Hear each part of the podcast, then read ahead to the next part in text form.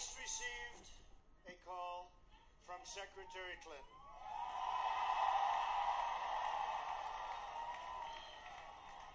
She congratulated us. Pod -pod Podcast fra. Viten og. Velkommen til en ny episode av podkasten Viten pluss snakkes. Det er onsdag 9. november. Klokka er litt forbi klokka ett. eh, Og det er nå klart at Donald Trump blir president. Og jeg sitter med rektor Kurt Rice, og vi kan jo begynne med det sportslige spørsmålet først. Hva føler du nå? Eh, Jeg føler sorg og fortvilelse og usikkerhet og mest av alt bekymring. Det, dette er ikke bra for noen, og det er vanskelig å vite hva som kommer nest. Og du er jo ikke det eneste, ser vi nå, i media som, som føler på denne måten her. Um, du er opptatt av likestilling, og det var mye snakk om hvordan Hillary Clinton skulle sprenge dette glasstaket. Uh, nå ble det ikke noe av det, og vi har fått en får en president som har sagt en del rart om, om kvinner. Hvordan tror du USA står etter dette valget nå, tanke, med tanke på likestilling? Vi, hadde så, vi var så mange som hadde håp om at glasstaket, det tjukkeste, tyngste glasstaket, skulle, skulle sprenges i dag. Og det ble det, som du sa, ikke noe av. Og det er bare kjempetrist som bare det. Det går faktisk an å definere gla, et glasstak. ikke sant? Glasstak har med sannsynligheten for at menn og kvinner i like stor tall på ett nivå i en organisasjon klarer å komme opp på det neste nivået. Og det er da slik at i akademiet f.eks. så har vi et glasstak mellom, mellom førsteamanuenser og professorer, og det er det har en definerbar tjukkelse, egentlig. Um, men jeg går ikke inn i detaljene der, men heller vil bare si at når ingen klarer å bli president som er kvinne, så er det glasstaket av nesten udefinerbar tjukkelse, og det er selvfølgelig triste saker. Og det er viktig at en president kommer, eh, at en kvinne blir president, fordi det blir annet en rollemodell, det blir eh, en mangfoldig tilnærming, det kommer kanskje andre verdier, og det er, det er viktig av så mange årsaker, og jeg hadde virkelig et håp om at jeg skulle få lov til å oppleve det.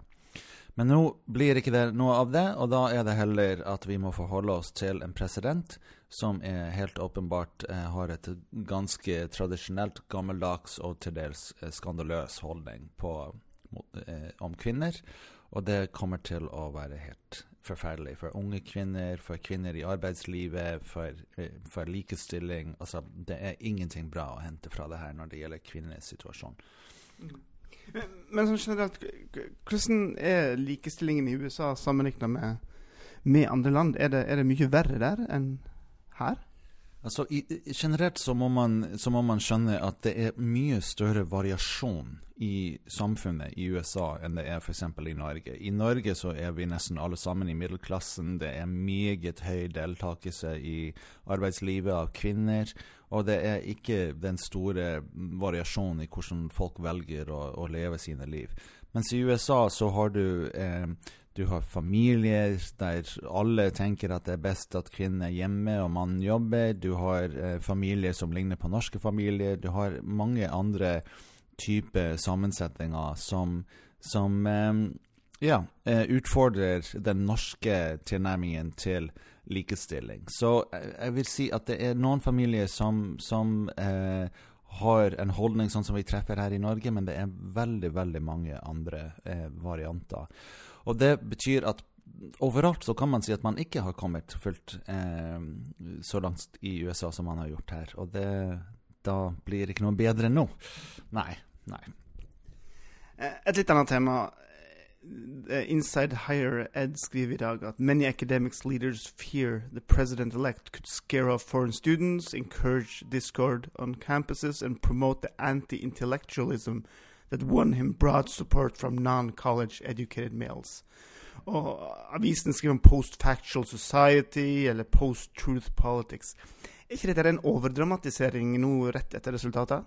Jeg tror faktisk ikke det. Jeg tror at det republikanske partiet har jobba i mange mange år for å bygge ned utdanning. Et sånn klassisk eksempel på det er er, er interessen for såkalt eh, creationism, eller intelligent design, som en teori i biologi, hvilket det ikke er noe teori og har ingenting i et utdanningsprogram å gjøre.